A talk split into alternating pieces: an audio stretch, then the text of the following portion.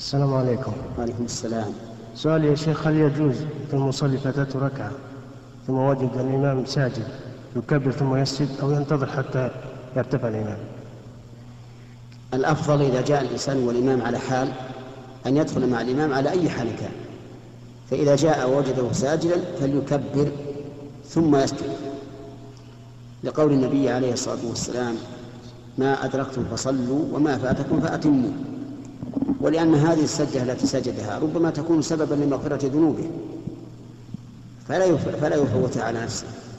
يسجد ثم يقوم مع إمامه لكن لا يحتسب بها ركعة لأن الركعة لا تدرك إلا بإدراك الركوع. نعم.